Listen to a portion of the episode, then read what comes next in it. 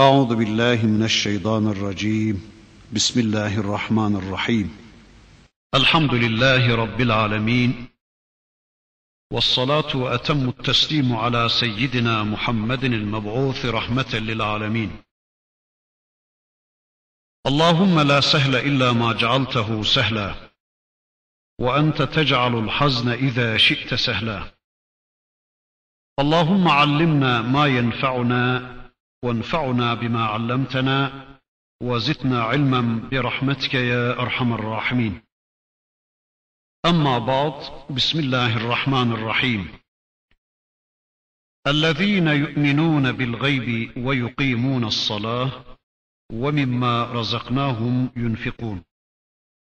والذين يؤمنون بما أنزل إليك وما أنزل من قبلك وبالآخرة هم يوقنون. أولئك على هدى من ربهم وأولئك هم المفلحون.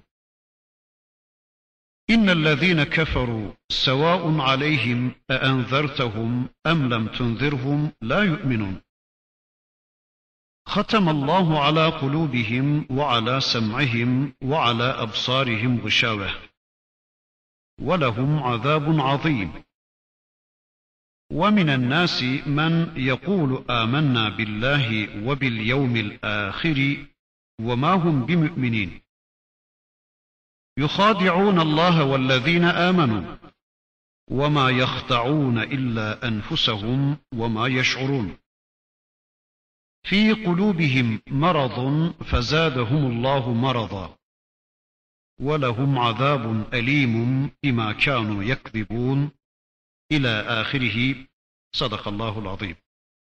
Geçenki dersimizde kulluk kitabımız Kur'an-ı Kerim'in ikinci sırasında yer almış Bakara suresinin genel bir tanıtımını yaptıktan sonra baştan üçüncü ayeti kerimeye kadar tanımaya çalışmıştık.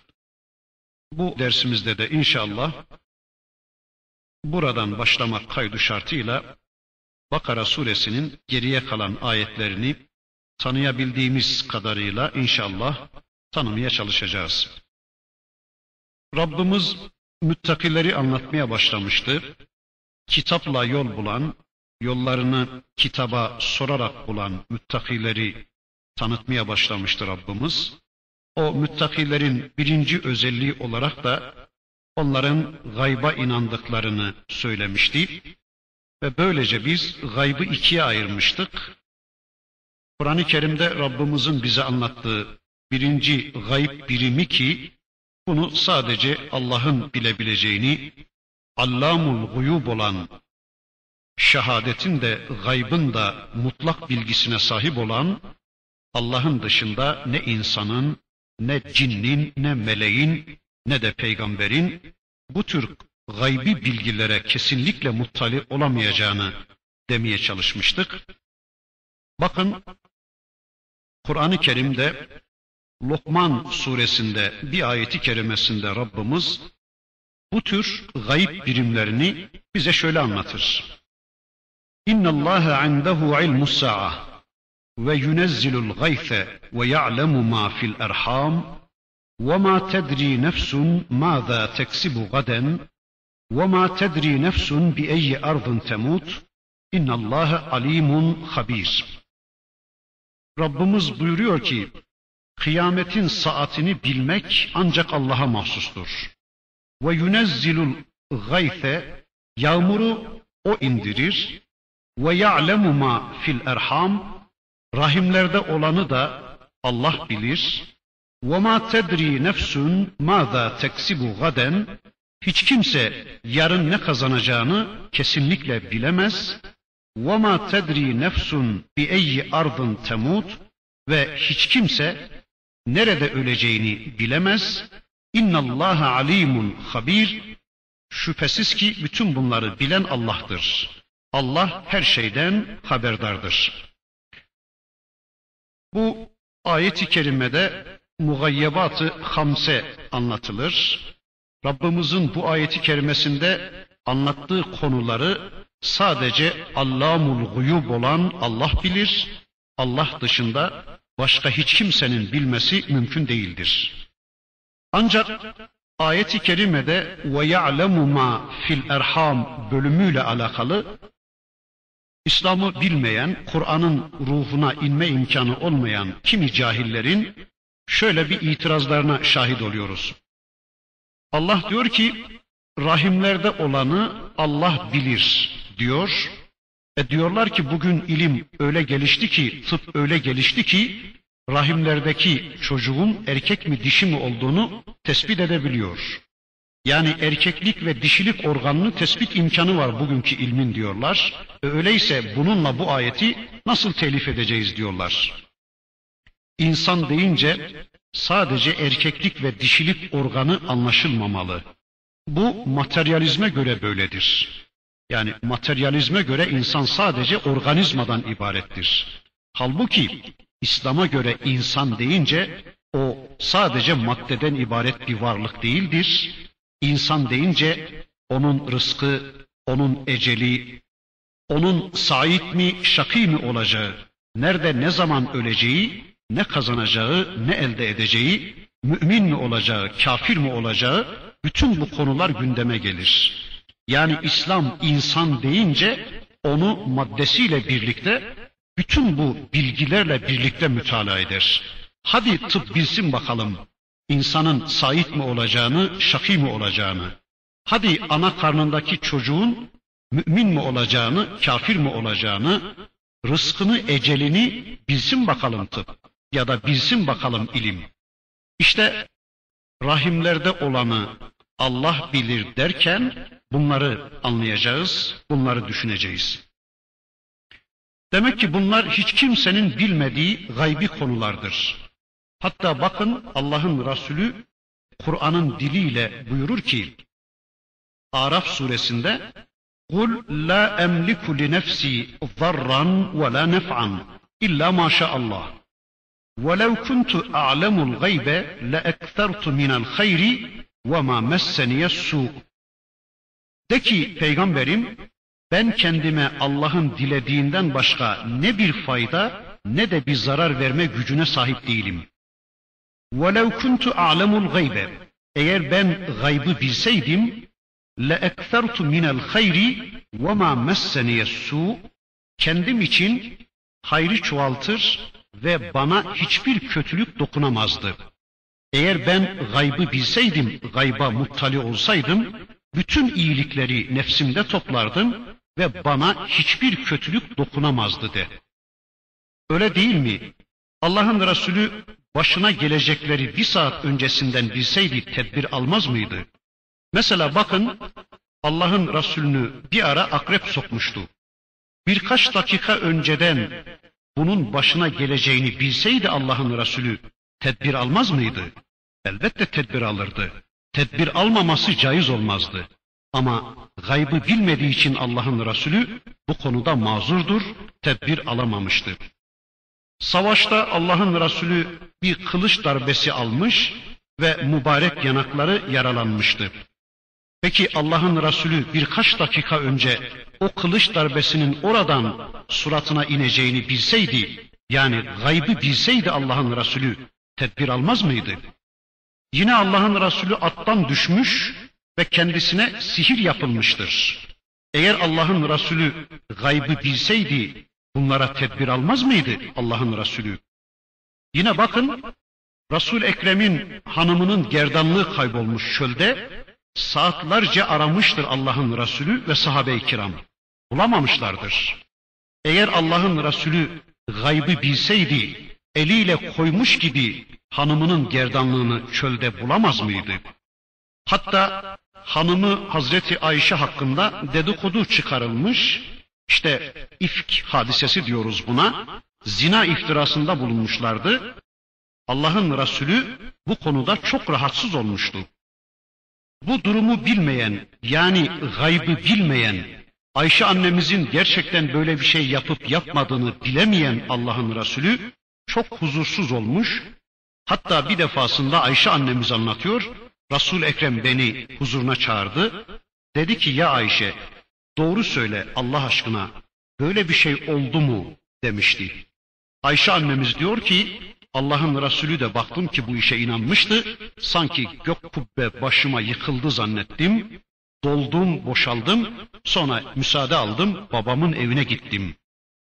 Şimdi burada sormak lazım. Gerçekten Allah'ın Resulü gaybı bilseydi, Ayşe annemiz konusunda bu kadar daralır mıydı? Allah'ın Resulü gaybı bilemediği için, bilmediği için çevresindekilerle istişare ediyor, ne yapacağını kestiremiyordu. Ve nihayet bir süre sonra Ayşe annemizin temiz olduğuna dair, birilerinin ona iftira ettiğine dair Kur'an'da ayetler gelinceye kadar yani Allah bu gaybi bilgiye kendisini muttali kılıncaya kadar Allah'ın Resulü uzun süre bir sıkıntı çekmiştir. Yine bir defasında Allah'ın Resulü Cebrail ile randevulaşmış. Cebrail gelmiş dışarıda bekliyor. Allah'ın Resulü içeride Cebrail gecikti diye telaşlanmış. Acaba ne oldu diye dışarı çıkmış. Bakmış ki Cebrail dışarıda bekliyor.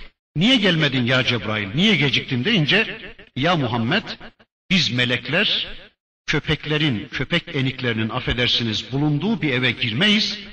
Evde sedirin altında iki tane köpek eniği var. Ayşe annemiz iki tane köpek eniğini getirmiş, evde sedirin altına koymuş. Allah'ın Resulü bu işin farkında değil. Bilseydi Allah'ın Resulü gaybı, o köpek eniklerini dışarıya çıkarmaz mıydı? Bilseydi Allah'ın Resulü gaybı Cebrail'i dışarıda bekletir miydi? Demek ki kimi gaybi konular vardır ki, kimi gaybi birimler vardır ki bunu peygamber dahi bilmez.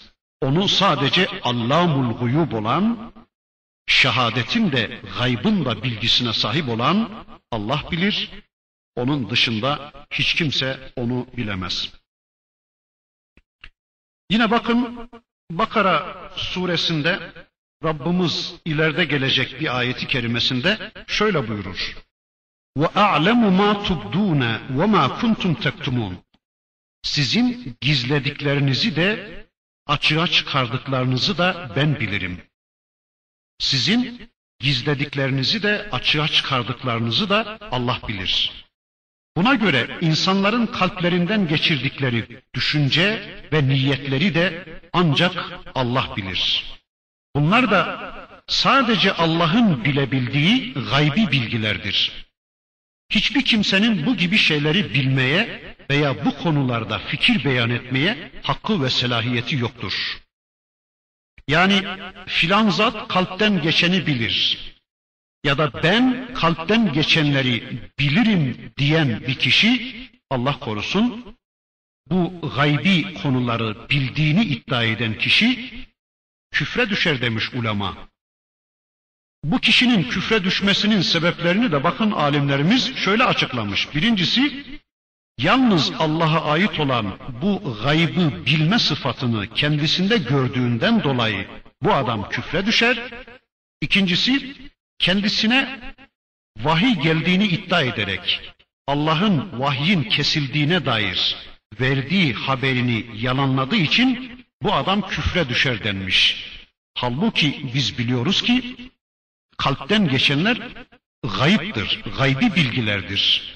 Allah kimseyi ona muttali kılmamıştır. Gaybi bilgiler de ancak vahiy ile bilinir. Artık bir daha yeryüzüne Cebrail de vahiy getirmeyeceğine göre bu adam kalpten geçeni bildiğini iddia edince sanki yeniden kendisine vahiy geliyor iddiasında olduğu için bu adam küfre düşer denmiş. Yani kimileri işte bu kalpten geçenleri bilmektedir diye övülmeye çalışıyorlar. Halbuki kalpten geçenleri bilmek bir üstünlük sebebi değil ki. Yani birisi benim kalbimden geçenleri bildiği için üstünse e, ben onları ondan önce bildiğim için ben ondan her zaman üstünüm demektir. Kalpten geçenleri sadece Allah bilir. Elhamdülillah ki Rabbimize sonsuz şükürler olsun ki bunu gizlemiş Rabbimiz. Yani kalpten geçenleri gizleyi vermiş. Hiç kimseyi buna muttali kılmamış. Çok şükür. Eğer öyle olmasaydı biz birbirimizin yüzüne bakamazdık. Mesela şu anda benim kalbimden geçenleri siz biliverseydiniz, ya da sizlerin kalbinden geçirdiklerinizi şu anda ben biliverseydim, Allah korusun çoğumuz çoğu zaman birbirimizin yüzüne bakamazdık. Karı koca bile eğer birbirlerinin kalplerinden o anda geçenleri biliverseydi, birbirlerinin yüzüne bakamazlardı. Çünkü insanların kalbinden çok çeşitli şeyler geçer. İkincisi, demek ki bu birinci gayb birimi Kur'an-ı Kerim'de Allah'ın anlattığı gayb birimleri sadece Allah'ın bilebileceği, Allah'tan başka hiçbir varlığın muttali olamayacağı, bilemeyeceği gayb birimleridir. İkincisi de delili olan ve Allah'ın vahiy yoluyla sadece razı olduğu Resullerine bildirdiği gayıplardır ki işte yukarıdaki ayet bunu anlatır. O müttaki müminler Allah'ın vahiy yoluyla peygamberine bildirdiği gayba inanırlar, gaybi bilgilere inanırlar. اَلَّذ۪ينَ يُؤْمِنُونَ بِالْغَيْبِ İşte müminlerin inandığı, peygamberimizin de inandığı gayb birimleri bunlardır. Bil gaybi ayetindeki lam ahd içindir. Yani müttakilerin inandıkları gayb, delili bulunan bu gayıplardır. Allah, peygamber, ahiret ve ahvali, melekler, nübüvvet, peygamberler, kitaplar, işte bunlar delili olan gayıplardır. Yani Allah'ın peygamberine vahiy yoluyla bildirdiği gaybi bilgilerdir.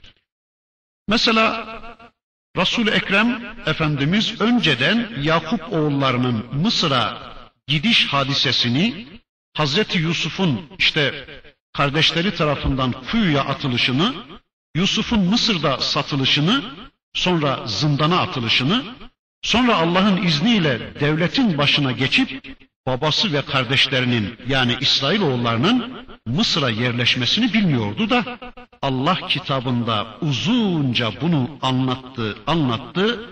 Sonra buyurdu ki: "Ve tilke min enba'il gaybi nuhiha ileyk." Ey peygamberim, işte bunlar sana vahyettiğimiz gayip haberlerindendir. Ne sen ne de kavmin bunları daha önce bilmiyordunuz. Demek ki gaybın ikinci türü vardır, ikinci bölümü vardır. O da Allah'ın vahiy ile peygamberimize bildirdiği gayb birimleridir ki işte peygamberimizin bildiği ve peygamberimizin inandığı bizim de Allah'ın bildirmesiyle bildiğimiz ve inandığımız gayb birimleri işte bunlardır. İşte peygamberimizin bildiği gaybi haberler de bu vahyedilen haberlerdir. Yani Allah'ın şu kitabında haber verdiği gaybi bilgilerdir. Çünkü Allah'ın Resulü kendisine bu kitap gelmeden önce bunların hiçbirisini bilmiyordu da Allah bu kitabı sayesinde ona bildiri verdi. Evet, Allah'ın Resulü daha önce namaz nedir bilmiyordu, abdest nedir bilmiyordu, cennet nedir, cehennem nedir, Kıyamet nedir? Hesap kitap nedir? Haşır neşir nedir? Tüm bunları bilmiyordu da Allah tüm bunları kitabında bildiri verdi de Resul-i Ekrem daha önce kendisi için gayb olan bu bilgileri biliverdi. İşte Allah'ın Resulüne bildirdiği ve Resulullah'ın da bildiği gayb bilimleri bunlardır. Nitekim Cin suresinde daha önce o sureyi tanımaya çalışmıştık. Rabbimiz bu hususu anlatırken bakın ayeti kerimesinde şöyle buyurur. Alimul gaybi fela yuzhiru ala gaybihi ahada illa men irtaza min rasulin fe innehu yesluku min beyni yedeyhi ve min halfihi rasada ليعلم أن قد أبلغوا رسالات ربهم وأحاط بما لديهم وأحصى كل شيء عددا De ki Rabbinizin sizi tehdit ettiği azap yakın mı yoksa Rabbim ona uzak bir zaman mı tayin etti onu ben bilmiyorum. Çünkü gaybı bilen ancak odur. Alimul gaybi. Gaybı bilen ancak odur. فَلَا يُظْهِرُ عَلَى غَيْبِهِ أَحَدًا إِلَّا مَنْ اِرْتَضَى مِنْ رَسُولٍ Fakat o Rabbim hiç kimseyi gaybına muzahir kılmaz. Yani hiç kimseye onu ezdirip bozdurmaz. Ancak seçtiği peygamberler müstesnadır. فَاِنَّهُ يَسْلُكُ مِنْ بَيْنِ يَدَيْهِ وَمِنْ خَلْفِهِ rasada Çünkü onun önünden ve arkasından gözcüler koyar. Bakın bu ayeti kerimede son derece açık bir şekilde Rabbimiz gaybını ancak seçtiği peygamberlerine ulaştırdığını anlatıyor. Yani peygamberlerini gaybına muttali kıldığını haber veriyor. Ama dikkat ederseniz peygamberlerine bildirdiği bu gaybi bilgilerin de melek vasıtasıyla kendilerine ulaştırılan vahiy olduğunu haber veriyor. Bakın diyor ki ayet-i kerime unutmayın ki bu gaybını peygamberlerine gönderirken yani bu gaybi bilgileri melek vasıtasıyla Rabbimiz peygamberlerine gönderirken o meleğin etrafını da böyle çepeçevre gözetleyicilerle kuşatır buyuruyor. Yani mümkün değil haşa işte yolda cinler, şeytanlar, hainler, zalimler o meleğin önünü kessinler de o elindeki Rabbinizin gönderdiği vahyi alsınlar, kafasından, hafızasından onu söküp çıkarsınlar da başka bir bilgiyi, başka bir vahyi ona tutuşturup desinler ki zorla al şunu götür peygambere vahiy diye. Bu mümkün değildir. Bunu asla hiç kimse yapamaz. Bakın Allah diyor ki biz peygamberlere vahiy ile gönderdiğimiz meleğin önünü ve arkasını böyle gözetleyicilerle kuşatırız diyor. Peki bunu niye anlatıyor Rabbimiz? Yani niye bunu bize kitabında haber verme gereği duymuş Rabbimiz? Bakın bundan sonraki ayetinde de onu şöyle açıklıyor. لِيَعْلَمَ أَنْ قَدْ أَبْلَغُوا رِسَالَاتِ رَبِّهِمْ وَأَحَاطَ بِمَا لَدَيْهِمْ وَأَحْصَى كُلَّ شَيْءٍ عَدَدًا Peygamberlerin Rablerinden aldıkları risaletleri tamamıyla tebliğ ettikleri bilinsin diye ve peygamberlerin yanlarındaki bilginin Allah tarafından kuşatıldığı ve Allah'ın her şeyi sayısıyla bildiği, sıraladığı bilinsin diye. Yani peygamberlerin Rablerinden aldıkları risaletleri tamamıyla tebliğ ettikleri bilinsin diye. Bunu anlatıyoruz diyor Rabbimiz. Yani ne anladık bundan? Bundan şunu anladık. Bakın birincisi peygamber bu konuda herhangi bir şüpheye düşmesin diye. Yani acaba bu ayetler gerçekten Allah'tan mı geliyor yoksa başkalarından mı geliyor? Bu konuda en ufak bir şüpheleri, bir tereddütleri kalmasın ve insanlara duyurduklarının kesinlikle Allah'tan geldiğini bilsinler diye bunu böyle yaptık diyor. İkincisi bir de peygambere ve onun kendilerine duyurduğu ayetlere iman eden müminler acaba bunlar gerçekten Allah'tan mı yoksa başkalarından mı? Bu konuda o müminlerin de en küçük bir şüpheleri kalmasın diye biz bunu böyle yaptık diyor Rabbimiz. Ayetin son kısmı bunu daha net anlatıyor bakın. Ve ahata bima ledeyhim ve ahsa kulle şeyin adeda. Gerek peygambere gelenleri ve gerekse ona vahiy getiren meleğin yanındaki bilgilerin tümünü biz ihata etmişiz. Yani tamamını saymışız diyor Rabbimiz. Yani mümkün değil ki peygamber ya da ona vahiy getiren melek onların bir kısmını gizlesin. Mümkün değil ki o vahyin bir bölümünü size haber versin de işine gelmeyenleri sizden saklasın. Biz onun tamamını ayet ayet, kelime kelime, harf harf saymışız, bilmişiz diyor Allah.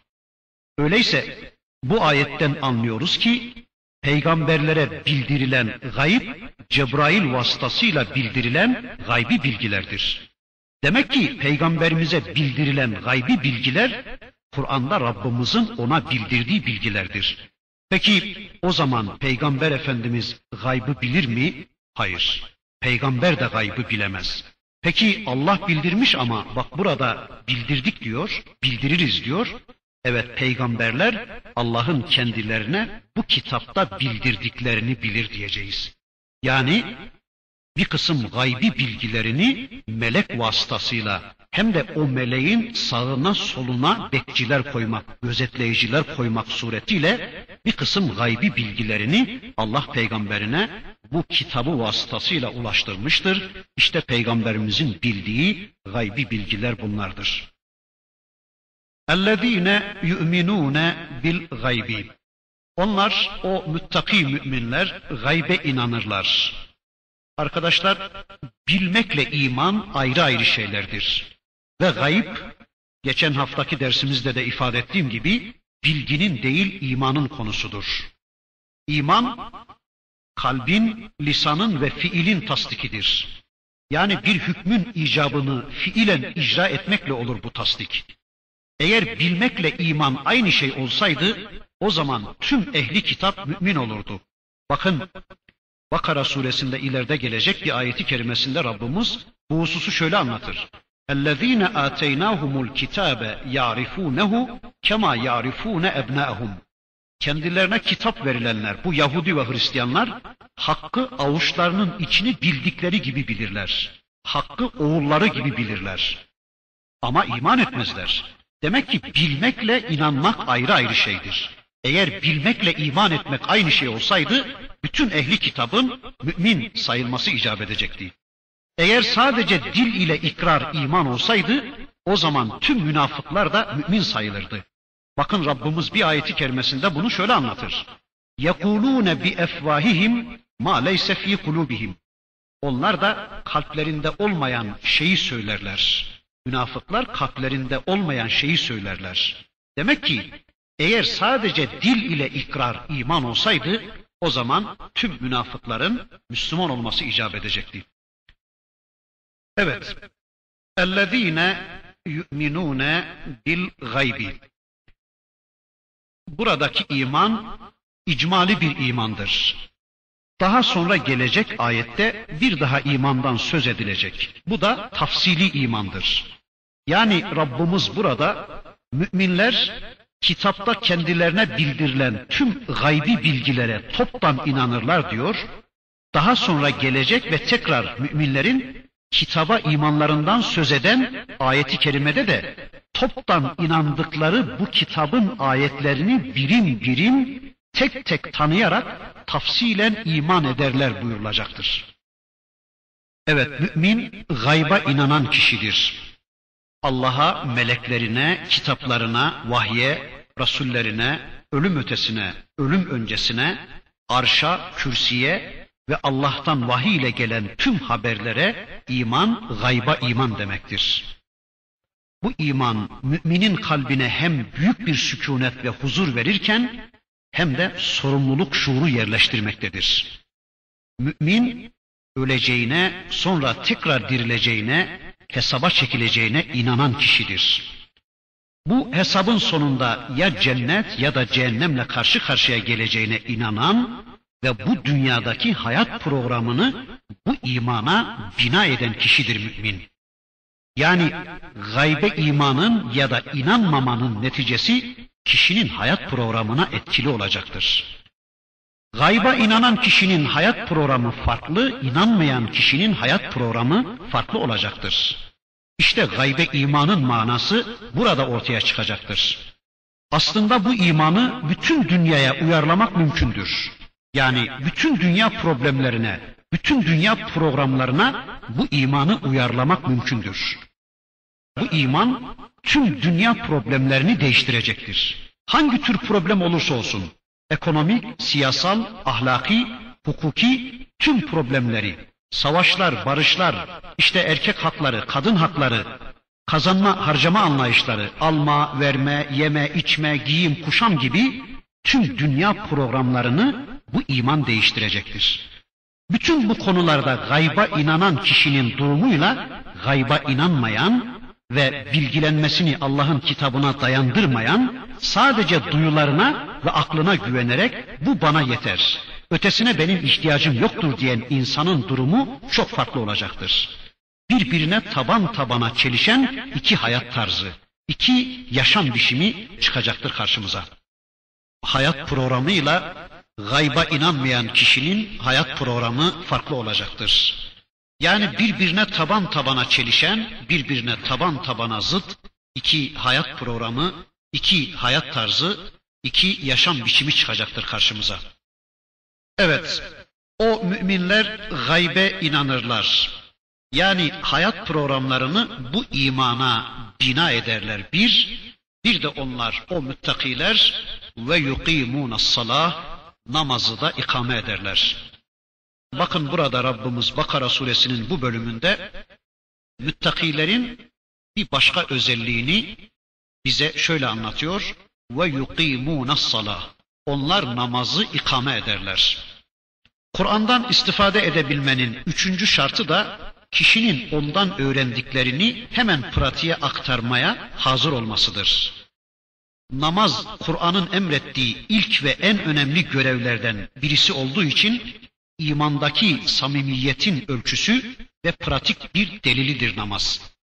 Bakın okuyorsanız görmüşsünüzdür.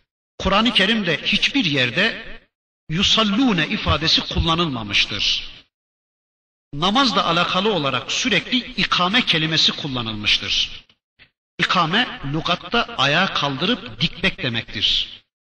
Onun içindir ki Peygamberimiz bir hadis-i şeriflerinde As-salatu imadu'd-din. Namaz dinin direğidir buyurur Allah'ın Resulü. Öyleyse namazla dinimizin direğini dikmemiz emrediliyor bu ayeti kerimede. Yani öyle bir namaz kılacağız ki kıldığımız bu namaz hayatımıza hakim olan bir namaz olacak. Tüm hayatımızı düzenleyen bir namaz olacak. Değilse işte Kur'an'da başka ayetlerden öğreniyoruz ki hayata etkili olmayan, hayatı düzenleme konusunda varlığından söz edilemeyen bir namaz Allah'ın bizden istediği bir namaz değildir. Mesela fakiri doyur, doyurmaya teşvik etmediği halde, yetimi itip kakıp azarladığı halde, randevusuna sadık olup sözünü yerine getirmediği halde, emanete hıyanet edip namus ve iffetine sahip çıkmadığı halde, başkalarının namus ve iffetine uzandığı halde, haram yiyip içtiği halde, hasılı hayatını ahiret inancına bina etmediği halde sadece din kurtarmak için kılınan bir namaz namaz değildir. Bunu hiçbir zaman hatırımızdan çıkarmayalım. Yani namaz namaz dışındaki tüm hayatımızı kapsayacak bir namaz olmalı. İşte Allah bizden böyle bir namaz istiyor. Bir de namaz ancak cemaatle ayağa kaldırılabilecek büyük bir direğe benzetilmiştir ayet-i kerimede. Yani namazın sosyal hayatı düzenleme fonksiyonu vardır. Toplumda namaz ayağa kaldırıldığı zaman dini hayat ayağa kaldırılmış demektir. Mesela bir ülkede oturan, bir şehirde oturan insanların her biri tek tek namazlarını kılsalar bile namaz ikame edilmiş sayılmaz. O toplumda namaz ayağa kaldırılmış sayılmaz. Namaz toplum olarak ikame edilmesi gereken bir ibadettir. Allah diyor ki ve yuqimuna salah. Onlar o müttaki müminler, o gerçek müminler, o Kur'an'dan istifade edebilme imkanını elde eden müminler namazı ikame ederler, namazı ayağa kaldırırlar. Bu ayeti kerimenin birkaç manası var. İnşallah onu şöyle maddeler halinde kısaca özetlemeye çalışayım. Birincisi, tadili erkanına göre huşu ve hudu ile doğru dürüst namaz kılarlar demektir bunun manası. İkincisi, namaz için mesai sarf ederler. Ve yuqimûne salah. Onlar namaz için mesai sarf ederler. Yani namaz ortamı hazırlarlar. Namazın önündeki engelleri kaldırmak, müminlerle namaz arasına dikilmiş tüm barikatları yok etmek için ciddi savaş verir o müminler. Üçüncüsü, namazla ilgili emri bil maruf ve nehyi anil münker yaparlar.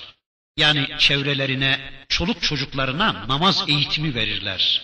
Namaz kılmayan kimseleri uyarıp onları namazcı yapmanın mücadelesini dert edinir o müminler. Dördüncüsü namazı ayağa kaldırır onlar. Yani namaz ortamı hazırlarlar. Namazı hayat programının odak noktası haline getirirler. Hayat programının içine sıkıştırılmış bir namaz değil ya da namaza yer bırakmayacak bir hayat programı değil, namaza göre ayarlanmış, namaza göre şekillenmiş bir hayat programını gerçekleştirmenin uğraşısı içine girerler o müminler. Bunu daha önceki derslerimizde uzun uzun ifade etmiştim. Burada bu kadarıyla iktifa edeceğim. Bir beşinci manası namazla Allah'tan mesaj alarak namaz sonrası hayatı bu mesajla düzenlemeye çalışırlar.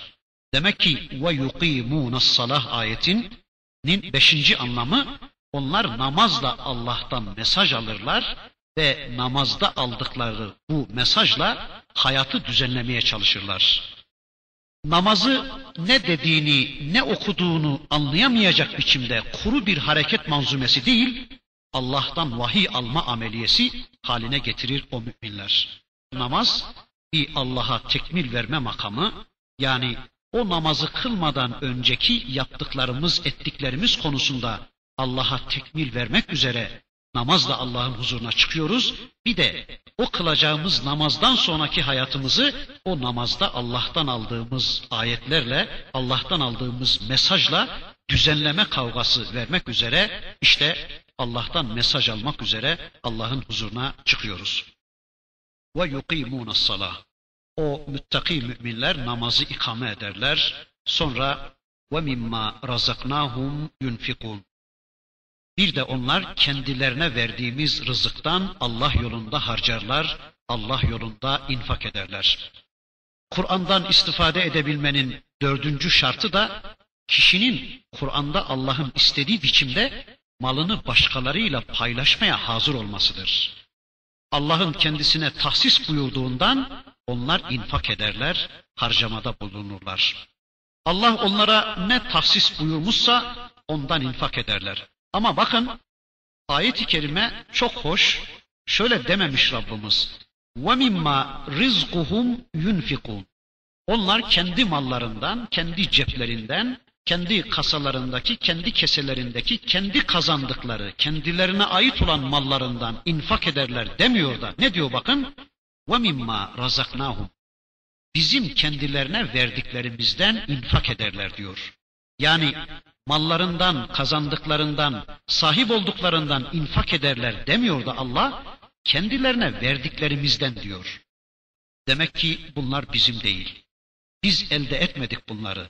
Biz kazanmadık, Allah verdi bunları bize. Allah'ındır bunlar. Mal sahibi Allah'tır. Her şeyin sahibi O'dur. Malın, mülkün, rızkın, hayatın sahibi O'dur. Bakın Kur'an-ı Kerim'de bir başka yerde zannediyorum Hadid suresinde bir ayeti kerimesinde Rabbimiz bu hususu çok hoş anlatır. وَمَا لَكُمْ أَلَّا تُنْفِقُوا ف۪ي سَب۪يلِ اللّٰهِ وَلِلّٰهِ مِيرَاثُ السَّمَاوَاتِ وَالْأَرْضِ Size ne oluyor ki Allah yolunda mallarınızı harcamıyorsunuz? Göklerin ve yerin mirası zaten Allah'ın değil midir? Sonunda hepsi Allah'a kalmayacak mıdır? Yani ne zannediyorsunuz siz? Sonunda semavat ve arzın mirası Allah'a kalmayacak mı? Şu cebinizdekiler, şu kasalarınızdakiler, şu keselerinizdekiler, şu koynunuzdakiler, e, sonunda hepsi Allah'a kalmayacak mı? Bilesiniz ki hepiniz gideceksiniz ve her şeyiniz Allah'a kalacaktır. Ne kadar akıl erdirici, ne kadar iş bitirici bir ifade değil mi? Yani sizler tuttunuz, öptünüz, sarıldınız, vermediniz. E sonunda kime kalacak da bütün bunlar? Allah'a kalacaksa sonunda niye vermiyorsunuz? Niye bunu anlamaya yanaşmıyorsunuz diyor Rabbimiz. Yine Hadis suresinde az ilerideki ayeti kerimede Rabbimiz yine şöyle buyuracak. Aminu billahi ve rasulihi ve enfiku mimma cealekum mustahlifine fih. Ey müminler! Allah'a ve peygamberine iman edin ve sizi halef kıldığı mallardan Allah yolunda harcayın buyurulur. Allah'ın bizi halef kılması birinin arkasından bir başkasının gelip sahip olması demektir. Bugün senin cebindeki para dün bir başkasının cebindeydi. Bugün senin tohum attığın tarlaya dün bir başkası tohum atıyordu. Bugün bindiğin araba dün bir başkasının altındaydı. yarın da bir başkasının altında olacaktır. Veya bir vakitler bu mülk adındı. Sonra Semud'un oldu, sonra Medyen'in, sonra Tübba'nın oldu, sonra Emevi'nin, sonra Selçuklu'nun oldu, sonra Osmanlı'nın oldu, sonra dedeyin babasının, sonra anayın kocasının oldu, sonra da sana intikal etti. Unutmayasın ki sende de kalmayacak, yarın bir başkasının mülküne intikal edecek. Öyleyse infak et. Çünkü sende de kalmayacak diyor Rabbimiz. İstesek de istemesek de, versek de vermesek de bilelim ki bir gün ya o mallar bizi terk edip gidecek ya da biz onları terk etmek zorunda kalacağız. Bu iki seçenekten başka bir imkanımız da yoktur. Zaten bu inançta olmayan insanlar, yani Allah'ı mülkün sahibi bilmeyen, kendilerini mülke sahip zanneden insanlar zırnık bile veremezler. Güçleri yetmez vermeye. Yani ceplerindekinin, ellerindekilerinin, kasalarındakilerin, keselerindekilerin Allah'a ait değil de kendilerine ait olduğunu zanneden insanlar isteseler de veremezler. Zırnık bile veremezler. Ama mülkün sahibi Allah'tır.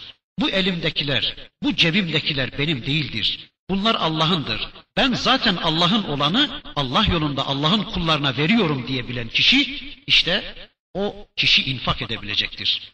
Bakın Yasin suresinde bu mantık şöyle anlatılır. وَإِذَا قِيلَ لَهُمْ أَنْفِقُوا مِمَّا رَزَقَكُمُ اللّٰهِ قَالَ الَّذ۪ينَ كَفَرُوا لِلَّذ۪ينَ آمَنُوا أَنُطْعِمُ مَنْ لَوْ يَشَاءُ اللّٰهُ أَطْعَمَهُ اِنْ أَنْتُمْ اِلَّا ف۪ي ضَلَالٍ مُب۪ينٍ Onlara Allah'ın size verdiği rızıklardan infak edin dendiği zaman kafirler müminlere derler ki dilediği zaman Allah'ın doyuracağı kimseyi biz mi doyuracağız? nut'imu men lev yeşâullâhu at'ame. Dilediği zaman Allah'ın doyurabileceği fakir kullarını biz mi doyuracağız? İn entum illa fi zalalin mubin. Siz ancak açık bir şaşkınlık, sapıklık içindesiniz diyorlar. Yani Allah bizden infak istiyor. Olacak şey midir bu? Yani Allah kullarını doyuramıyor, kendi kullarını doyurmaya gücü yetmeyecek kadar güçsüz, fakir bir Allah bizden infak istiyor. Bu ne biçim iş diyorlardı? Küfür mantığıdır. Buna küfür mantığı diyoruz. Başka bir yerde, Kur'an'ın başka bir yerinde yine bu kafirlerin mantığını başka bir ayeti kerimede Rabbimiz şöyle anlatıyordu. E nasıl olur diyorlar. Allah'ın kestiği yenmiyor, bizim kestiğimiz yeniyor. Allah'ın öldürdüğü yenmiyor, bizim öldürdüğümüz yeniyor. Hani vadesiyle ölen koyun yenmiyor da bizim kestiğimiz koyun yeniyor ya. Öyle diyorlardı. Nasıl olur? Allah'ın öldürdüğü yenmiyor, bizim öldürdüğümüz yeniyor. Buna küfür mantığı, şirk mantığı diyoruz. Sanki Allah'ın öldürdüğü ayrı, bizim öldürdüğümüz ayrı. E sanki bizim öldürdüğümüzü de Allah öldürmüyormuş gibi, yani bizim kestiğimiz yeniyor, Allah'ın kestiği yenmiyor. Olacak şey mi bu diyorlardı. Burada da aynı mantık var. Yani Allah kullarını doyuramıyor, bizden infak istiyor. Olacak şey mi bu diyorlardı. Sanki bizim mallarımız bize ait de Allah'ın ayrıca kendine ait malı varmış gibi. Hayır. Bizim kestiğimiz de Allah'ın kestiği, bizim öldürdüğümüz de Allah'ın öldürdüğü, Allah'ın öldürdüğü de Allah'ın öldürdüğü, bizim cebimizdekiler de Allah'ın malı, Allah'ın malı da Allah'ın malı ama bunu anlayamıyorlar da sanki mal kendilerininmiş gibi veya sanki Allah'ınkilerle kendilerininki farklıymış gibi, sanki kendi ellerindekiler, ceplerindekiler Allah'ın değilmiş gibi işte öyle düşünüyorlar. Allah korusun da bugün Müslümanlar maalesef sanki bu ayetlerden habersiz bir hayat programı yaşamaktadırlar. Rabbimiz bütün bu ayetleriyle bize infak yasasına bağlı bir hayat programı tarif ederken ekonomik hayatımızı infaka dayalı olarak ayarlamamızı ısrarla Rabbimiz bu ayetleriyle öğütlerken maalesef Müslümanlar tüm bu ayetleri diskalifiye edercesine kara dayalı, kazanma esasına dayalı, daha fazla büyüme, daha fazla şişme esasına dayalı bir hayat programı gerçekleştirmenin hesabı içine düşmektedirler. Gerçekten hangi vahiy biriminin, hangi ayet grubunun, hangi peygamber modelinin Müslümanlara bu hayat felsefesini empoze ettiğini anlamak mümkün değildir.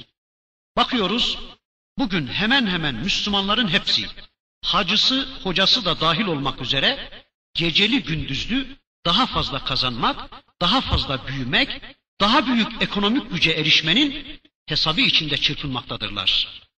İşin garibi ve anlaşılmaz yönü de Müslümanlar bunu din adına yaptıklarını söyleyebilmektedirler. Efendim, Müslüman zengin olmalıdır. Bugün bizlerin zengin olma hedefimiz, büyüme isteğimiz, daha fazla ekonomik güce ulaşma programımız, daha iyi, daha faziletli Müslüman olmamız içindir. Daha Müslümanca bir hayata ulaşmak içindir. Eğer zenginleşirsek, daha iyi Müslüman olacağımıza inancımızdan ötürü biz bunu yapıyoruz diyerek haşa Allah'a akıl vermeye, Allah'a yol göstermeye çalışıyorlar. Ya Rabbi biz bunu münasip gördük. İyi bir Müslümanlık için herhalde sen de bundan başka bir şey demezsin demeye çalışıyorlar. Allah korusun bugün Müslümanlar bu halleriyle Allah'a yol göstermeye, Allah'a akıl vermeye kalkıyorlar.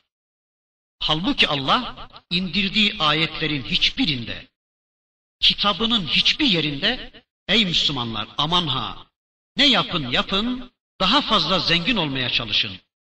Bütün gücünüzü, bütün kafanızı, bütün kalbinizi, bütün imkanlarınızı, bütün mesainizi, bütün zamanlarınızı mal mülk toplamaya harcayın. Fark etmez. Ben zaten lüks olsun diye indirdim bu kitabı. Kitabımı tanımasanız da olur. Laf olsun diye gönderdim peygamberi. Onunla diyalog kurmasanız da olur. Siz bırakın bunları da aman para kazanmaya bakın. Zira zenginler benim katımda daha üstündür diye ben böyle bir ayet görmedim. Allah kitabının hiçbir yerinde böyle bir ayet indirmedi. Ben bugüne kadar Kur'an'ın hiçbir yerinde böyle bir ayet görmedim. Yok ki böyle bir emir. Müslümanlar kendilerine böyle bir yol, böyle bir hayat programı, böyle bir hedef çizsinler.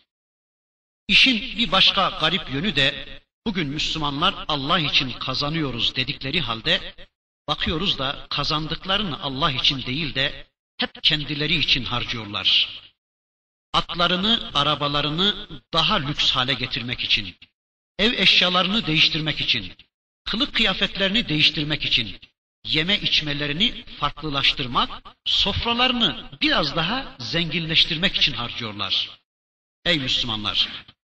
Şunu hiçbir zaman hatırınızdan çıkarmayın ki Allah'ın kitabını tanımaya, Allah'ın ayetleriyle bilgilenmeye, peygamberinizin sünnetiyle diyalog kurmaya zamanınız kalmayacak bir biçimde güya Allah'ın rızasını kazanmaya matuf olarak kazandığınız mallar, topladığınız mülkler bilelim ki bizi Allah yolundan uzaklaştırmadan başka bir işe yaramıyor, yaramayacak da. O halde tezelden aklımızı başımıza almak zorundayız. Kimilerimizin şu ana kadar kazandıkları, mübalağa etmiyorum, çoluk çocuğumuza, yedi sülalemize yetecek kadar çoktur. Gelin öyleyse buna bir sınır getireyim. Biraz da Allah'ın ayetleri ne diyor? Bakara neden söz ediyor? Allah'ın kitabı bizden nasıl bir hayat istiyor? Allah'ın kitabı bizden nasıl bir amel istiyor? Nasıl bir iman istiyor? Peygamber ne diyor? Bize nasıl bir hayat programı gösteriyor? Biraz da bunları öğrenecek zamanımız olsun da bu ayetlere de iman imkanımız olsun inşallah. Allah korusun. İşte görüyoruz günümüzde neredeyse ekonomik insan olup çıktık biz. Allah korusun. Neredeyse bakıyoruz bütün Müslümanlar ekonomik insan olup çıktılar. Evet, infaka dayalı bir hayat müminin hedefi olacak. Efendim, ben Kur'an'ı bilmiyorum. Binaenaleyh gaybe inanamam. Ben hoca değilim. Binaenaleyh namaz kılamam. Diyemeyeceğimiz gibi benim fazla malım yok. Ben infak edemem de diyemeyiz. Böyle bir şey diyemeyeceğiz. Zira infakta belli bir ölçü yoktur. Şu kadar olacaktı, bu kadar olacaktı diye infakta belli bir ölçü yoktur. Hatta bakın Resulullah Efendimizin i hadislerinden öğreniyoruz ki bakın şöyle buyuruyor ve abdun razakahullahu ilmen ve lem yerzukhu malen fehuve sadikun niyeti yekulu lev enne li malen le amiltu bi ameli fulanin fehuve bi niyetihi fe ecruhuma sevaun. Diyor ki bakın peygamberimiz infak edecek hiçbir şey olmayıp da malını Allah yolunda infak eden kişiye imrenip eğer benim de bu kardeşim gibi malım olsaydı ben de onun yaptığını yapardım diyen kişi sevapta diğerine müsavidir. Anladınız değil mi? Hiç elinde infak edecek malı olmayıp da keşke benim de filan kardeşim kadar malım olsaydı aynen ben de onun gibi Allah yolunda infak ederdim diyen kişi o imrendiği yani malını Allah yolunda infak eden kardeşine sevapta müsavidir diyor Allah Resulü.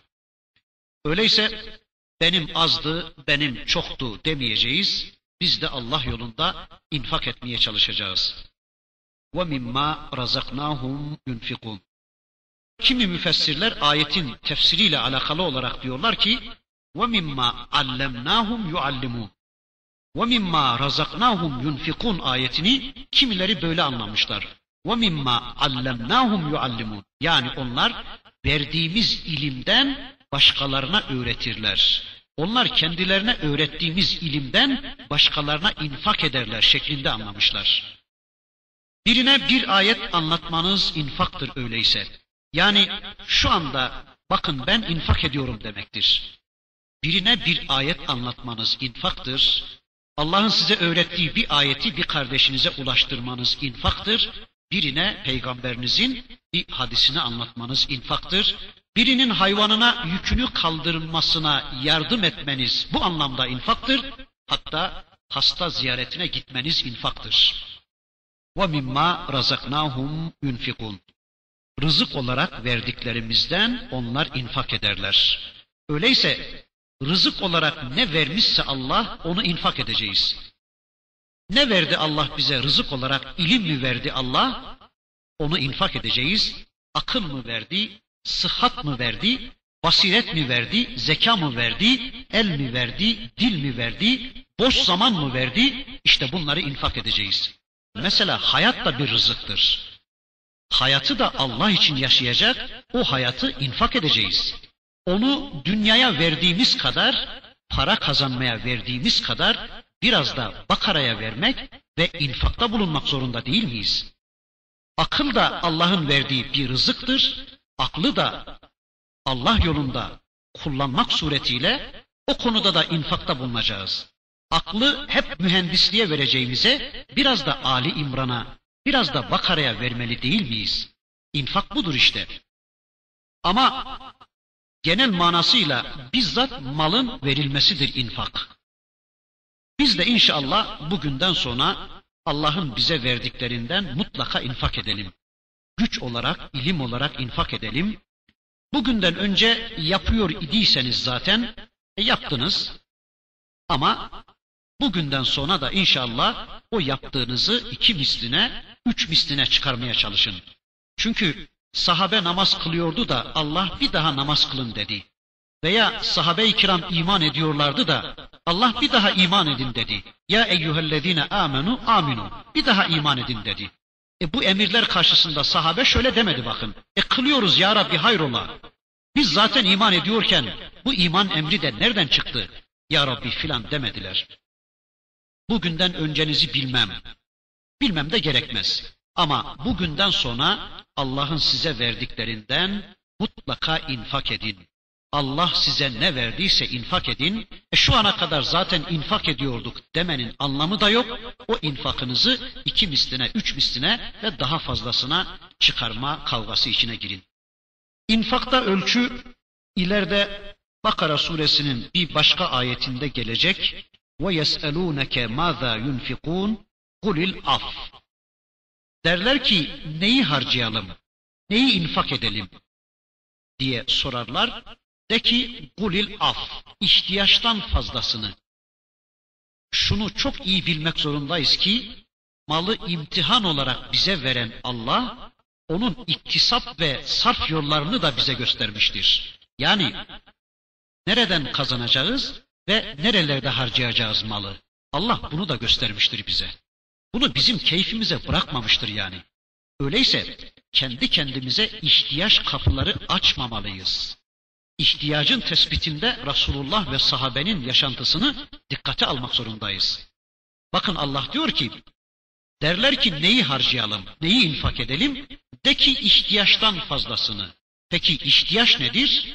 Öyleyse ihtiyaç konusunda kendi kendimize tespitte bulunmayacağız.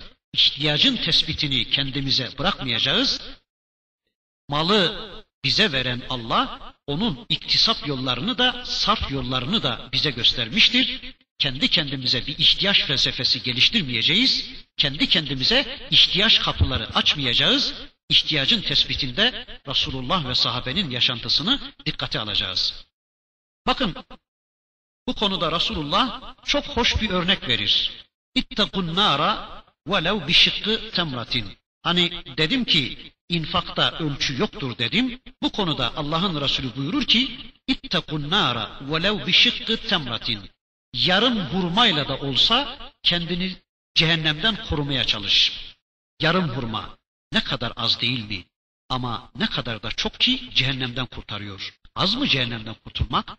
Ne kadar az ama ne kadar çok. Mesela bakın 10 ton hurması var bir adamın.